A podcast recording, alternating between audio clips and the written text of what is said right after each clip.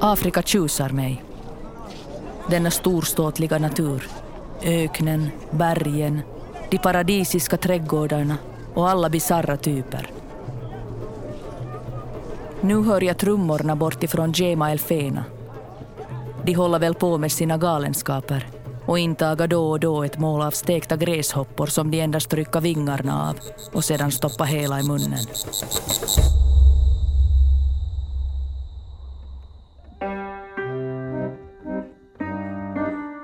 Jag ser henne för första gången på målningar från 1910-talet av kända svenska konstnärer som Nils Dardell och Isak Grünewald.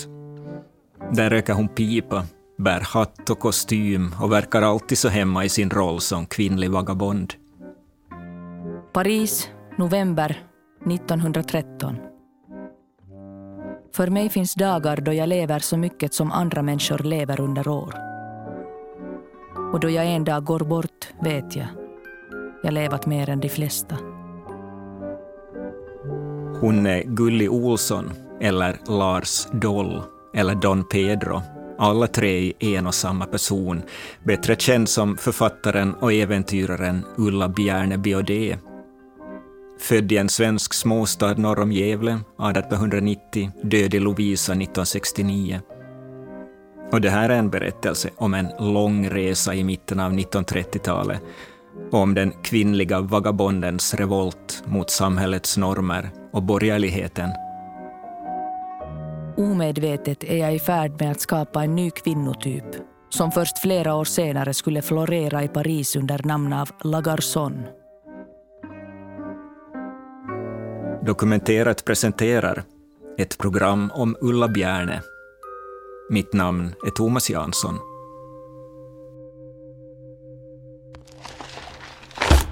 Första kapitlet Paris 1910-tal.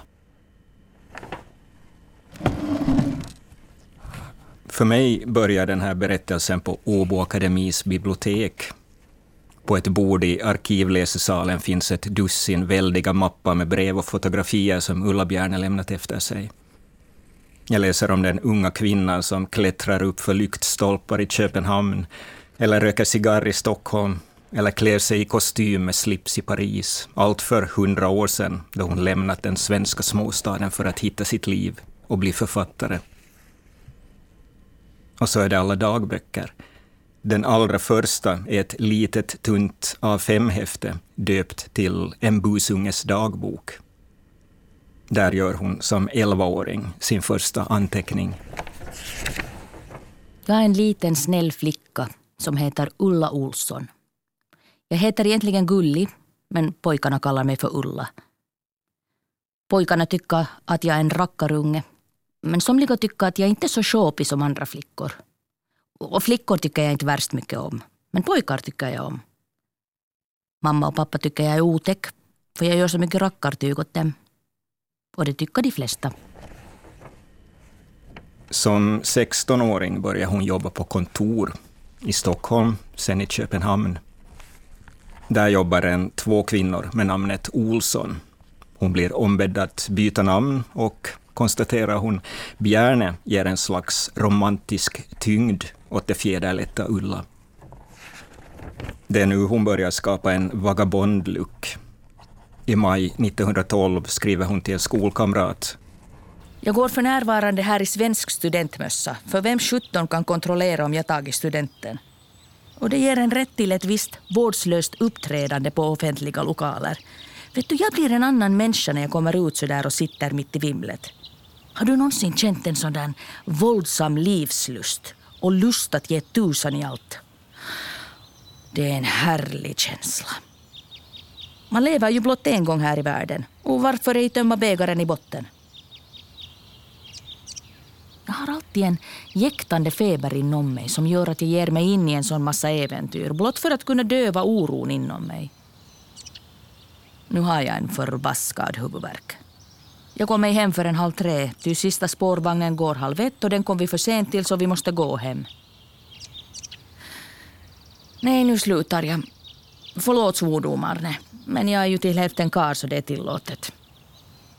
Din alltid trogna stallbroder, Ulla. Redan i sin debutbok från 1916 är Ulla Bjärne först med att skriva in en kvinnlig vagabond i svensk litteraturhistoria. Och snabbt väcker hon uppmärksamhet. Det ser man spår av också i tidiga recensioner av hennes böcker, som i Stockholms-Tidningen. Obestridligt är att hon är identisk med den herraktiga dam som den stockholmska kafépubliken så ofta gapat på. Att en dam röker är man ju van vid, men dricker hon whiskygrogg blir man uppmärksam. Har hon därtill kort hår och bär smoking med stärkskjorta är måttet rågat. Eller danska Berlingske Tidene. Hon var något av det mest storstadsmässiga, uppseendeväckande, skandalösa som gick på denna jord. Hon var Köpenhamns första pojkflicka, höll nattliga gillen, klättrade upp för lyktstolpar, flyttade på frisörskyltar och förkunnade att Paris och Köpenhamn är de enda uthärdliga städerna i världen. Men det är i Paris som allting egentligen börjar. Det är dit hon längtar och 1912 kommer hon äntligen iväg, 22 år gammal. Hon är sponsorerad av en rik herreman som, berättar hon långt senare, tänker sig att hon ska lägga sig till med ett mera salongsmässigt uppträdande för att när tiden är inne bli en liten förtjusande fru. Det hör inte till hennes planer, men resor gör hon iförd grova pojkskor, grön sportdräkt och en mjuk filthatt med fjäder i kullen. I pappans gamla koffert har hon för vinterbehov en kaninskinnmössa och ett halvt dussin bastanta hemsydda nattlinnen.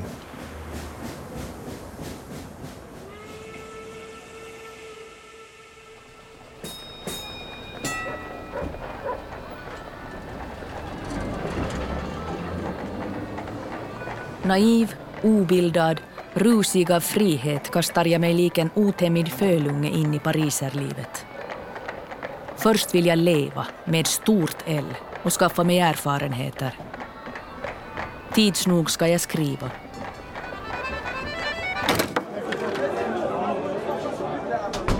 Det kan finnas kvällar då jag som en rolös ande vandrar från kafé till kafé dricker och pratar ett par meningslösa ord några minuter med någon bekant som sitter där. Och så plötsligt tvärt går, därför jag ej förmår sitta stilla längre, driven av oron inom mig. Och det är sådana gånger jag uppsöker danslokalerna och tillbringar halva nätter på nattkaféer. Det är fortfarande ett par år tills det första världskriget bryter ut. Världen står öppen. Obehindrat kan man röra sig utan pass i Europa. Till en början studerar hon, men trivs allt bättre i Parisnätternas magiska atmosfär. Nästan 50 år senare minns hon det första Parisåret i romanen Botad oskuld.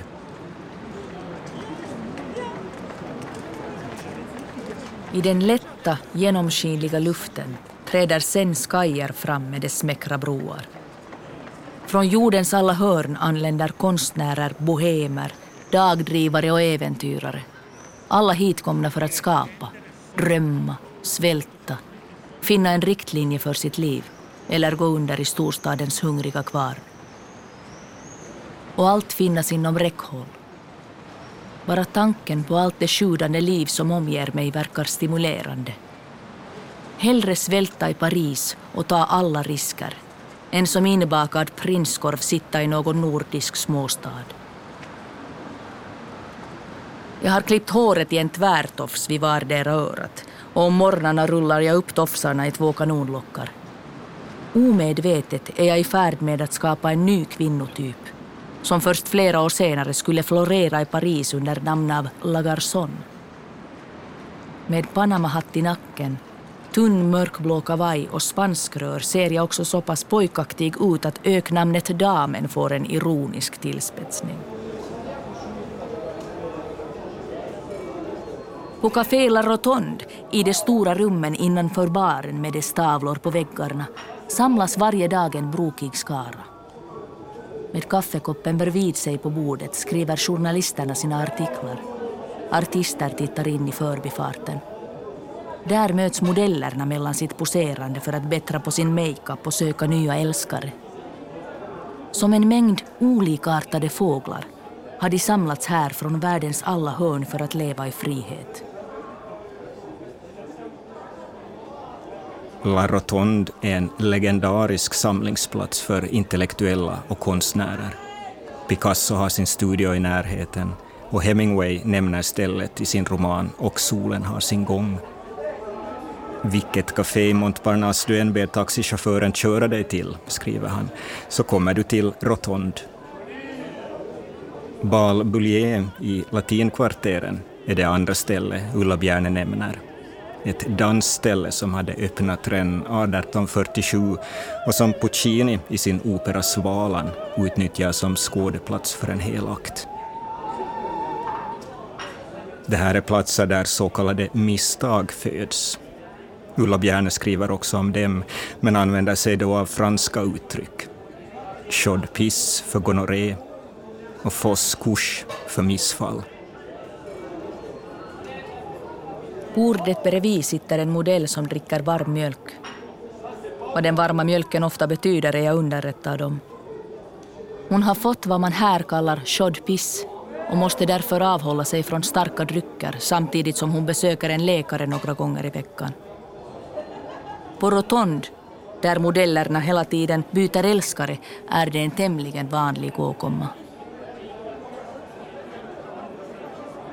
När jag druckit min absint följer jag med till Bullier. Det är ett förtjusande ställe dit jag alltid beger mig med en liten förväntan på äventyr. Några kvällar i veckan samlas studenter, artister, modeller, en del småborgerliga element förutom enstaka prostituerade för att till tonerna av en stor orkester svänga om.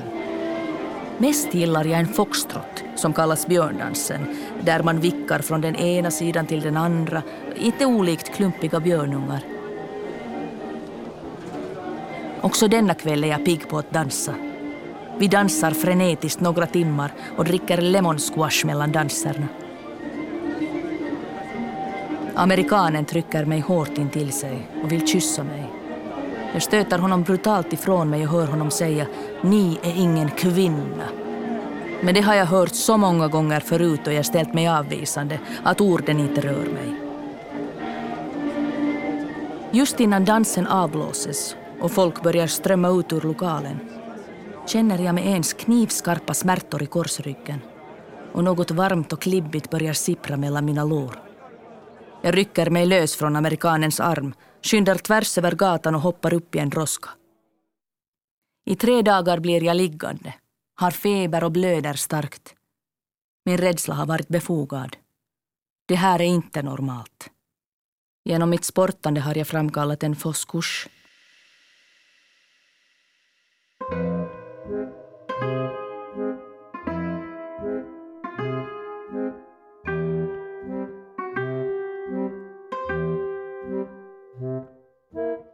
Jag har tid att fundera över hur lekande lätt jag svikit alla goda föresatser. Hur ska en kvinna funtad som jag klara sig genom livet utan katastrofer? Det jag gått igenom talar för att jag helt borde avstå från kärlek och erotik. Men borde är ett ord som jag börjat avsky. Lycklig är jag inte. Men varför ska jag vara lycklig? Vad betyder det inför känslan att leva fullt och helt och trots inre misär och otillräcklighet ändå sträva framåt? Ständigt vara på väg.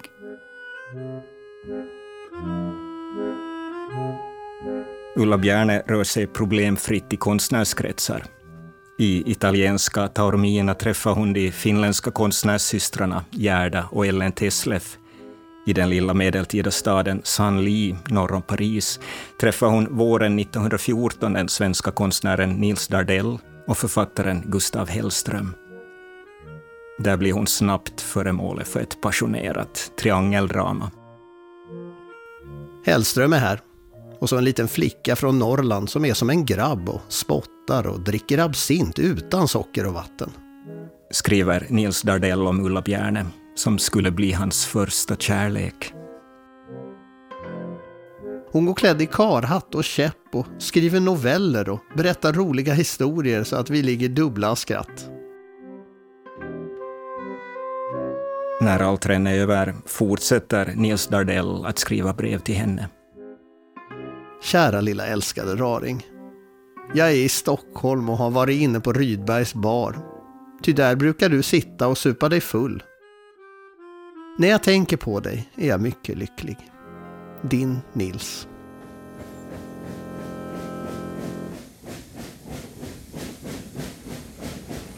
Det första världskrigets utbrott hindrar inte resandet. Under 1915 för hon dagbok i Barcelona, i San Remo, i Genua, i Köpenhamn och förstås i Paris.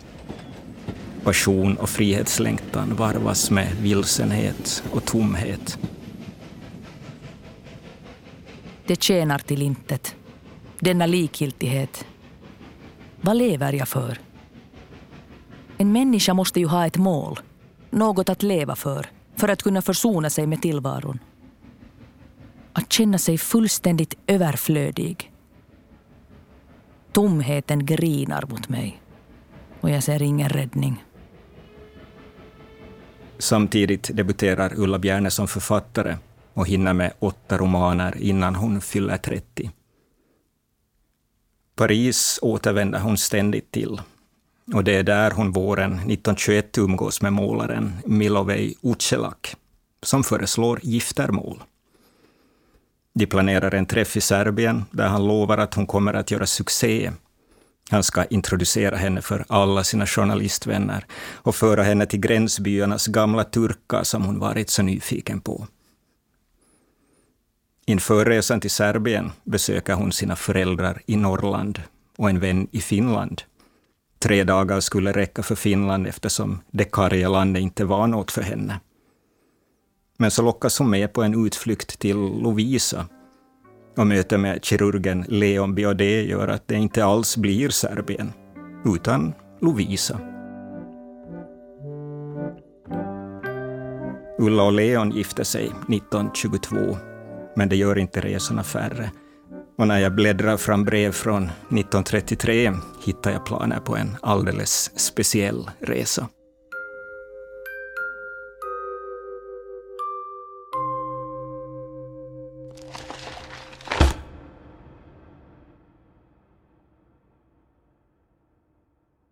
Andra kapitlet. Nordafrika, 1930-tal. Det första brevet är sänt några dagar inför avfärden, söndagen den 7 januari 1934. Tidningsrubrikerna den dagen skriver fram en orolig stämning i Europa. Strängare straff för spioneri, står det i Hufvudstadsbladet. Stagnation i tysk-franska handelsförhandlingar. Tyskland stoppar smör och äggimporten från Finland. Men den oron finns det inga spår av i hennes brev. Kära lilla mamma, skriver hon. I övermorgon kilar båten härifrån och jag har tusen, tusen saker att uträtta. Som alltid i sista minuten. Kan förresten hända jag stannar ganska länge borta denna gång. Jag ska göra någonting nu. Och småstadsatmosfären har egentligen aldrig varit bra för mig. Jag är inte skapad till att sitta fastklistrad på ett ställe. Det är inte alltid man dör av svält. Man kan också dö av en sorts andlig kvävning. Men jag ämnar nu inte döden dö. Jag ämnar istället hämnas på mitt sätt genom att leva. Det är troligt att författaren Frans G Bengtsson kommer med på färden. Det blir roligt att ha en likasinnad som man kan tala med. Han följer bara med på själva båtresan och vänder hemåt med båten då jag stiger av på Afrikas nordkust. Ödlan har ingenting emot att FG kommer med. Han ser ju stort på tingen. Nej, nu måste jag sluta. Adjö älskade lilla mamma. Du hör snart ifrån mig. Din tillgivna dotter Ulla. Resesällskapet Frans G Bengtsson är en jämnårig svensk författare som senare blir känd för romanen Röde orm. Ödlan, eller Ödlekonungen, det är Ullas man Leon som har stått för researrangemangen. Och så, några dagar efter sin 44 födelsedag, stiger hon som ensam kvinna ombord på lastfartyget Britta i Kotka.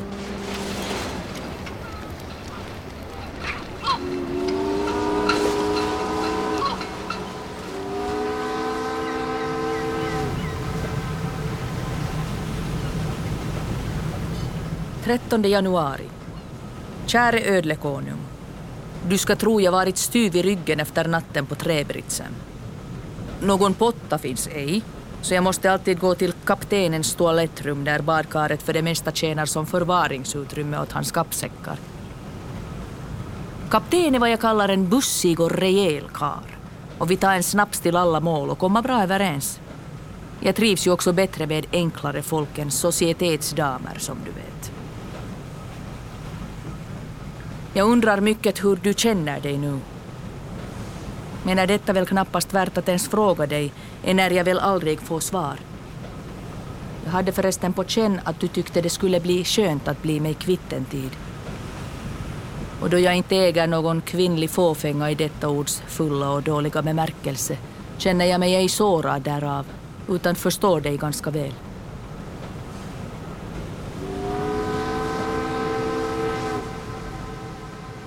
20 januari. Kära lilla mamma.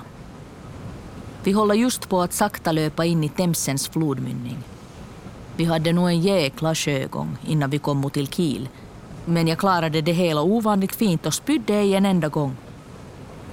Till Kiel anlände Frans G Bengtsson i stört regn från Skåne och kom med någon svårighet ombord i stickmörkret med sina två kappsäckar. I Kiel var jag ute med kapten och en finsk ingenjör som kommit från Helsingör för att laga båten. Vi gingo ner till alla möjliga små krogar i hamnkvarteren och slutade i en stor danslokal och kom ej hem förrän klockan halv fem på morgonen.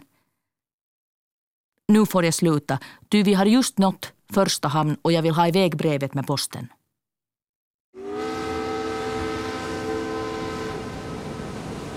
Tolfte februari. Käre ödlekung. Om en timme landar vi vid Afrikas kust en bit från Oran. Och min resa är i det närmaste slut, vilket jag livligt beklagar. För en stund sedan hoppade tumlare kring stäven. Sol och blå himmel. Och om en timme sätter man benen på Afrikas jord. Vid det här laget känner man sig som en lortgris. Har ej badat på närmare fem veckor och kolstybben lägger sig överallt här på båten.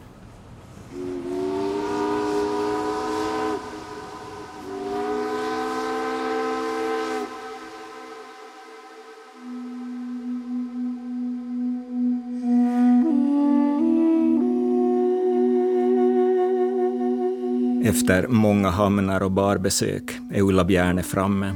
Först i Algeriet, småningom i Marocko, som då är så obekant för människorna uppe i norr. Jag hittade ett uppslagsverk från tidigt 1930-tal som beskriver Marocko med den tidens ögon.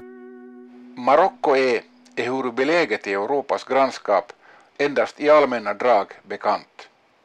Boskapsskötseln kvarstår liksom jordbruket på samma låga som för århundraden sedan. Att Marocko har värdefulla mineraltillgångar är otvivelaktigt. Men stammarnas fientligheter försvårar alla större europeiska gruvföretag. Plundring av karavaner och resande utgör en välkommen omväxling i vardagslivet. Rörande folkmängden har man endast mycket obestämda gissningar. Samtidigt som Ulla Bjärne skriver sitt nästa brev den 4 mars 1934 berättar tidningar att kriget i Marocko blir långvarigt. Infödingarnas motstånd och sandstormarna hindrar framryckningen, står det på Hufvudstadsbladets första sida.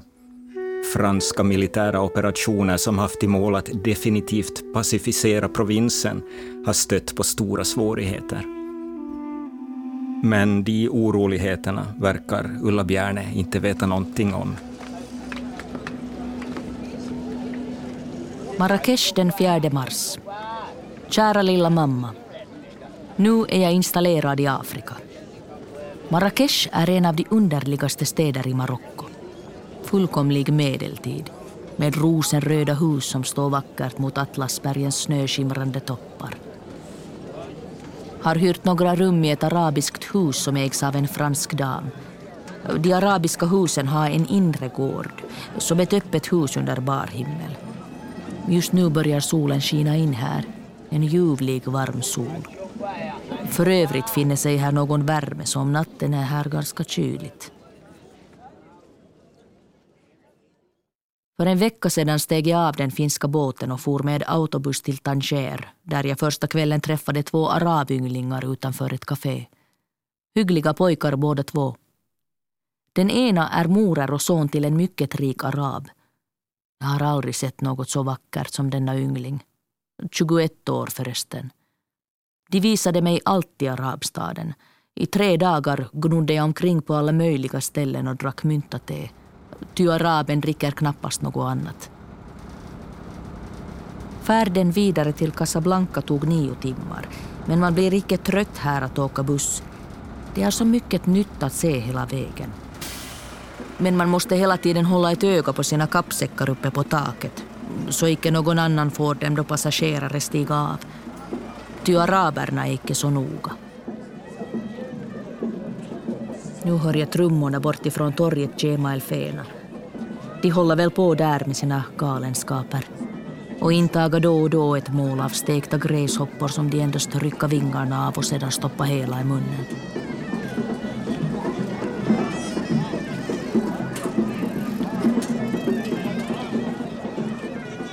Åttonde mars. Käre ödlekung. Jag har aldrig bott så trevligt som här. På morgnarna brukar jag gå ut, vanligtvis till Gema El Fena, en stor öppen plats där en evig marknad försiggår. Ormtjusare, trollkarlar, apelsinmånglare, krukmakare, små restauranger bestående av ett lågt bord, en gryta och några lerkoppar. Manliga dansörer klädda som kvinnor och en ständig hop med araber som driver omkring, lyssnar till sagoberättare och beskådar alla undren som där finns. Jag blir aldrig trött på att gå där och titta. Det som är bra i detta land är frånvaron av all sprit. Sedan jag steg av i Ceuta har jag endast druckit några glas vermouth och har inget som helst behov av stimulantia. Föredrar myntte.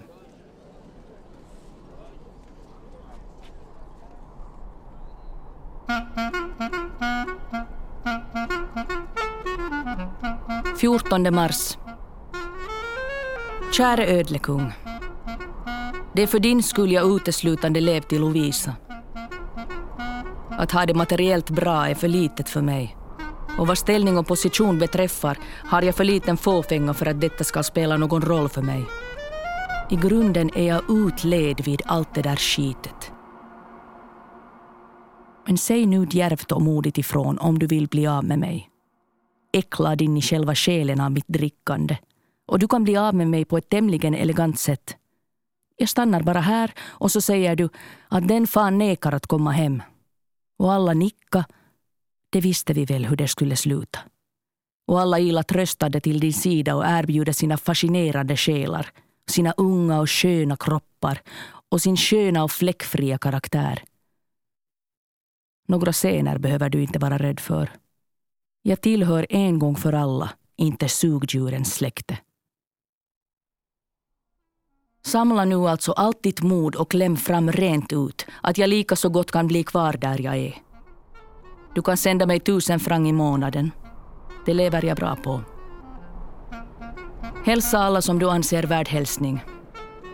Din maka.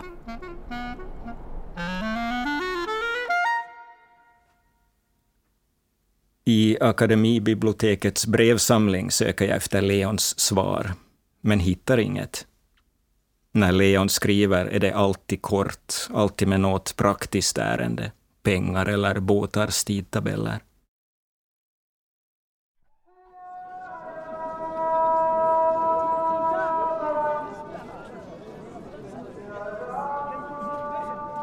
–19 mars. Kära lilla mamma. Det var roligt att höra från er. Men sänd för guds skull inga urklipp ur de fördömda tidningarna mera. Vad som händer på den stora världsmarknaden intresserar mig inte det bittersta. Det är skönt att vara så långt borta som möjligt från allt kultur och intelligenspladder. Och sedan jag lämnade Finland har jag inte tittat i en tidning. Afrika tjusar mig. Denna storståtliga natur.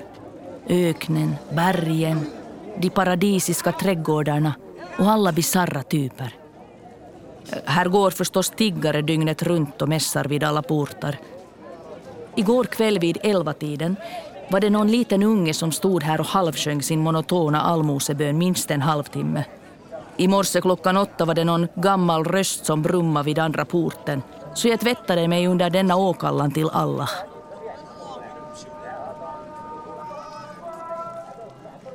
Tionde april. Kära mamma. Jag reser vidare till Tanger imorgon. De har stora bussar som går mellan städerna och en sådan tar jag. Ty det är billigt och ganska bekvämt. I Tanger blir jag väl några veckor och så bär det hemåt igen. Skulle man bara sedan slippa alla människor som ska utfråga en om resan vore det en välsignelse. Igår vore jag ett slag på Gema El Fena. Torget upplystes endast av små bloss. Där satt en arab och åt med sin åsna bredvid sig. Han hade ett slags liten spis, några glödande kol med en kittel över och den käkade han ur med en slev. Antar att han hade allt omkring sig som han ägde. Några pojkar hade krupit ihop på en trottoar och sov tryggt i sina paltor. Och en liten parvel på tre år sov i en pelare. Eländet är obeskrivligt här. Man ser upprörande saker. Kvällen var mild och härlig med stora stjärnor efter en otroligt het dag och i parkerna sjöng hon nektargalarna. Men i denna min känsla ingick även en sällsam lättnad över att vara på väg till Tanger, till något nytt och oupplevat. Ett sinnestillstånd som väl knappast den förstår som icke har vagabondens oroliga blod i sina ådror. Skulle egentligen ha rest igår, men väntar på sillen för att få ha den undanstökad.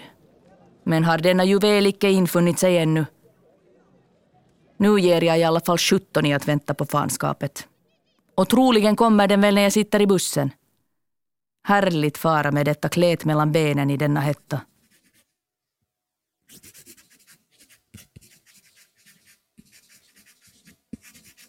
Adertonde april. Käre ödlekonung. Dina pengar har jag fått. Varför tack. Efter allt att döma kommer jag snart hem. Tar troligen en japansk båt som går härifrån första maj och är i London den femte maj och från London kan jag väl alltid hitta någon lägenhet hem. Detta har jag tänkt ut och beslutat denna morgon medan jag legat utsträckt här på min schäslong lidande av en jävlig sill som kom en hel vecka för sent denna gång. Jag bor nu på Hotell Orida i Tanger. Redan första aftonen träffade jag de båda arabynglingarna som jag gnodde omkring med här för en månad sedan. Den ena är underhållen av en engelsk general den andra är guide. Liten och obetydlig men en bättre karaktär och sitter ofta utanför min dörr när jag kommer. Som en trogen hund. Han bjöd mig häromdagen på te till sin mamma. Där träffade jag hela hans släkt med gamla mormodern i spetsen. Jag kommer antagligen att ge mig uppåt bergen på två dagar, men Mohammed hyr en åsna för packningen och traskar iväg. Han har familj där och de bor i lerkojor så där får man kanske ett stycke primitivism. Jag betalar honom förstås. Vi logerar hos hans släktingar. Någon fara lär det väl inte vara. Så du kan vara tämligen lugn. Adjö min kulti för idag. Skriver till dig då jag definitivt bestämt mig och köpt biljett.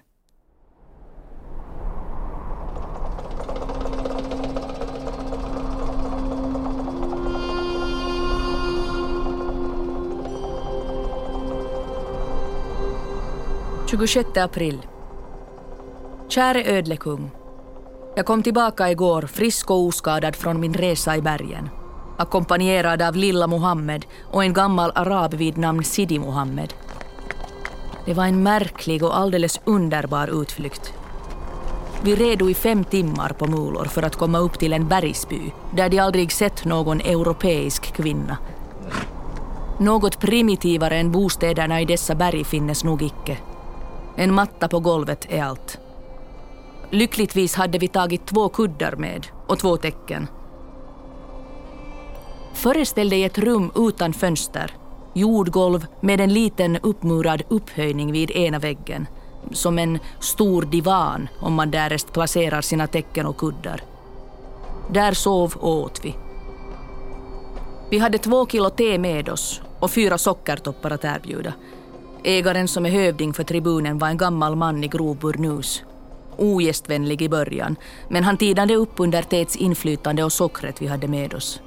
Därtill serverades några slags pannkakor. Så småningom infunno sig en massa fattiga herdar med sina trumvasar och tvåsträngade instrument. Sidi Muhammed tillagade te hela natten. Jag sov stundtals, men reste mig upp ibland, rökte en cigarett och lyssnade till deras vilda sånger som alla voro krigssånger mot spanjorerna. Jag kände mig mycket långt borta från Lovisa.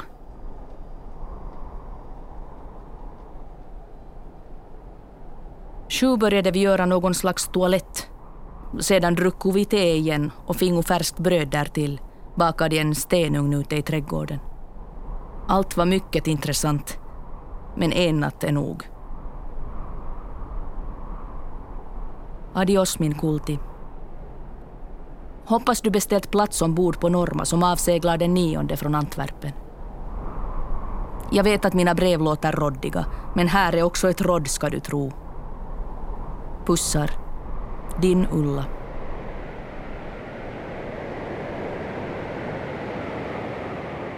Samtidigt som Ulla Bjärne vandrar i de karga bergen snöar det i Finland. Den 26 april berättar Hufvudstadsbladet om snöstorm i norra Finland. Postbilarna sitter fast i snön och med häst kommer man ingen vart. I Nordafrika packar Ulla Bjärne för hemresa. Jag kommer nog något lortig hem. Samma. Bara jag kommer hem. Och snart är hon tillbaka i Paris, där hon naturligtvis för en stund slår sig ner i den för henne så bekanta konstnärsvagabondstadsdelen Montparnasse. Nästa brev skriver hon från det berömda brasseriet La Coupole, som under mellankrigstiden var en samlingsplats för konstnärer och författare. La Coupole an Montparnasse, 4 maj. Käre ödlekonung. Hit kom jag igår efter en sällsam resa som räckte 48 timmar i sträck. Det var ett helvete för mig att taga farväl av Mohammed. Han nekade att lämna mig den sista natten och tillbragte den på sin matta utanför min dörr på terrassen. Klockan sex när jag steg upp försvann han och återvände med en stor trumma som hans mor gav mig som minne. Himmel! Den släpade jag genom hela Spanien och nu står den i mitt hotellrum. Den sista dagen talade han bara om hur han skulle skrapa ihop pengar för att komma till mitt land. Han vill tjäna mig och Lion, sade han. Nu sitter jag på Kupol igen. Paris är vackert med blommande kastanjer, men regnade det hela dagen igår. A bientôt, din Ulla.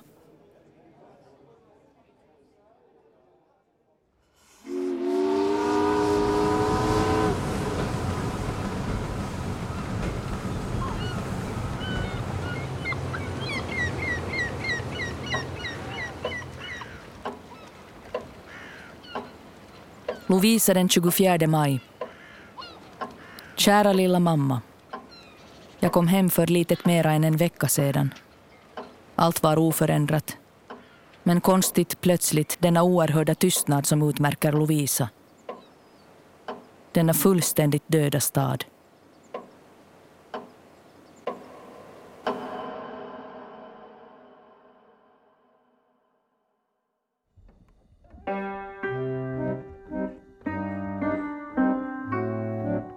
Den fyra månader långa resan är över. Ulla Bjärne är tillbaka i Lovisa, stan som hon i ett brev till författaren Bertel Gripenberg konstaterar har en slående likhet med en likkista. Hemma skriver hon en bok om sina upplevelser i Nordafrika. Den blir 300 sidor lång, men refuseras två gånger. När den till slut publiceras över hälften av det ursprungliga manuskriptet struket. Och ett drygt halvsekel senare sitter jag på Akademibiblioteket i Åbo och bläddrar bland de kanske tusen bilder som hon lämnat efter sig.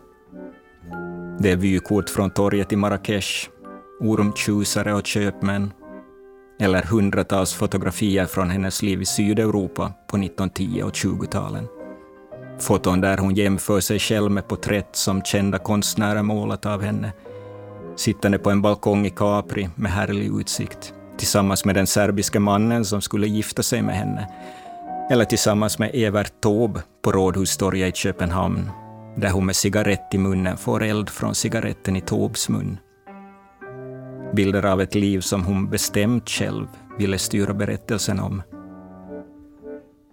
Men Leon och Ulla lever tillsammans livet ut. Det bästa hos mig, skriver hon, hänger fast med Leon. Jag reste varje år utomlands och var ibland borta i månader. Vände alltid tillbaka som till en säker hamn, men flykting, främling i mitt inre. Så gick åren och trots allt har mina känslor bara djupnat för honom. Ty det är ju ändå honom jag älskar. På mitt sätt kanske, måste jag tillägga.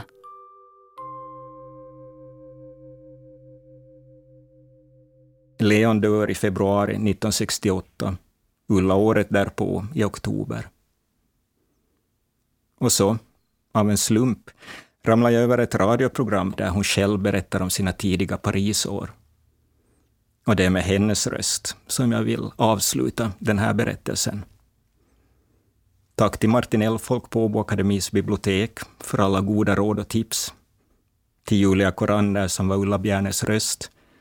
Och till Staffan von Martens och Thomas Silén för uppläsning. Tack också till dramaturgen Are Nikkinen, till Mike Grönros för programmets ljudvärd och till Finlands svenska författareförening för tillstånd att använda Ulla Bjernes brev och dagböcker för det här programmet. Producent Staffan von Martens. Ett program av mig, Thomas Jansson. Häromdagen frågade en ung finländsk författare hur det var i Paris när jag kom dit första gången. Första gången, sa jag och tittade på honom. Det var på hösten 1912 och då har du själv inte ens påtänkt. Alltid kan jag ju berätta om Paris, men svårigheten ligger i att kunna ge dig ett begrepp om den atmosfär av frihet som då ännu rådde i världen och hur lätt livet var i förhållande till våra dagars krångel och förmyndarskap. Men på La Rotonde satt de verkliga bohemerna och dit sökte jag mig ofta. På den tiden var Rotond bara en enkel kusskrog med en liten bar där man stående vid sänkdisken kunde få en kopp kaffe. Innanför baren fanns själva kaféet, ett långsmalt rum med bänkar överklädda med svart vaxduk och bord med imiterade marmorskivor. Där inne satt från morgon till kväll och från kväll till morgon en brokig internationell samling, sällan sedd förut och aldrig mer skådad. Vilken tid på dygnet dessa människor på Rotonda arbetade är svårt att säga.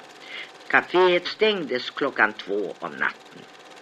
Då körde den halta, tjocka kafévärden skoningslöst ut sina gäster. Han var som en far för oss alla. Han lämnade kredit och han lånade oss pengar. Ja, vi hade nästan som ett hem på det gamla Rotond. Men nu är det för länge sedan försvunnet, liksom bohemerna som i vår inrutade och materialistiska tid blivit lika sällsynta som vita elefanter. I vårt nutida samhälle finns ingen plats för drömmar eller drönare och det som nu går under namnet Rotond är ingenting annat än en brackig lyxkrog i två våningar med rumbaorkester och en förstklassig restaurang med dyra priser. Dit söker sig numera nyrika fransmän och amerikanskor med dollars som kanske någon gång har talas om det gamla Rotond.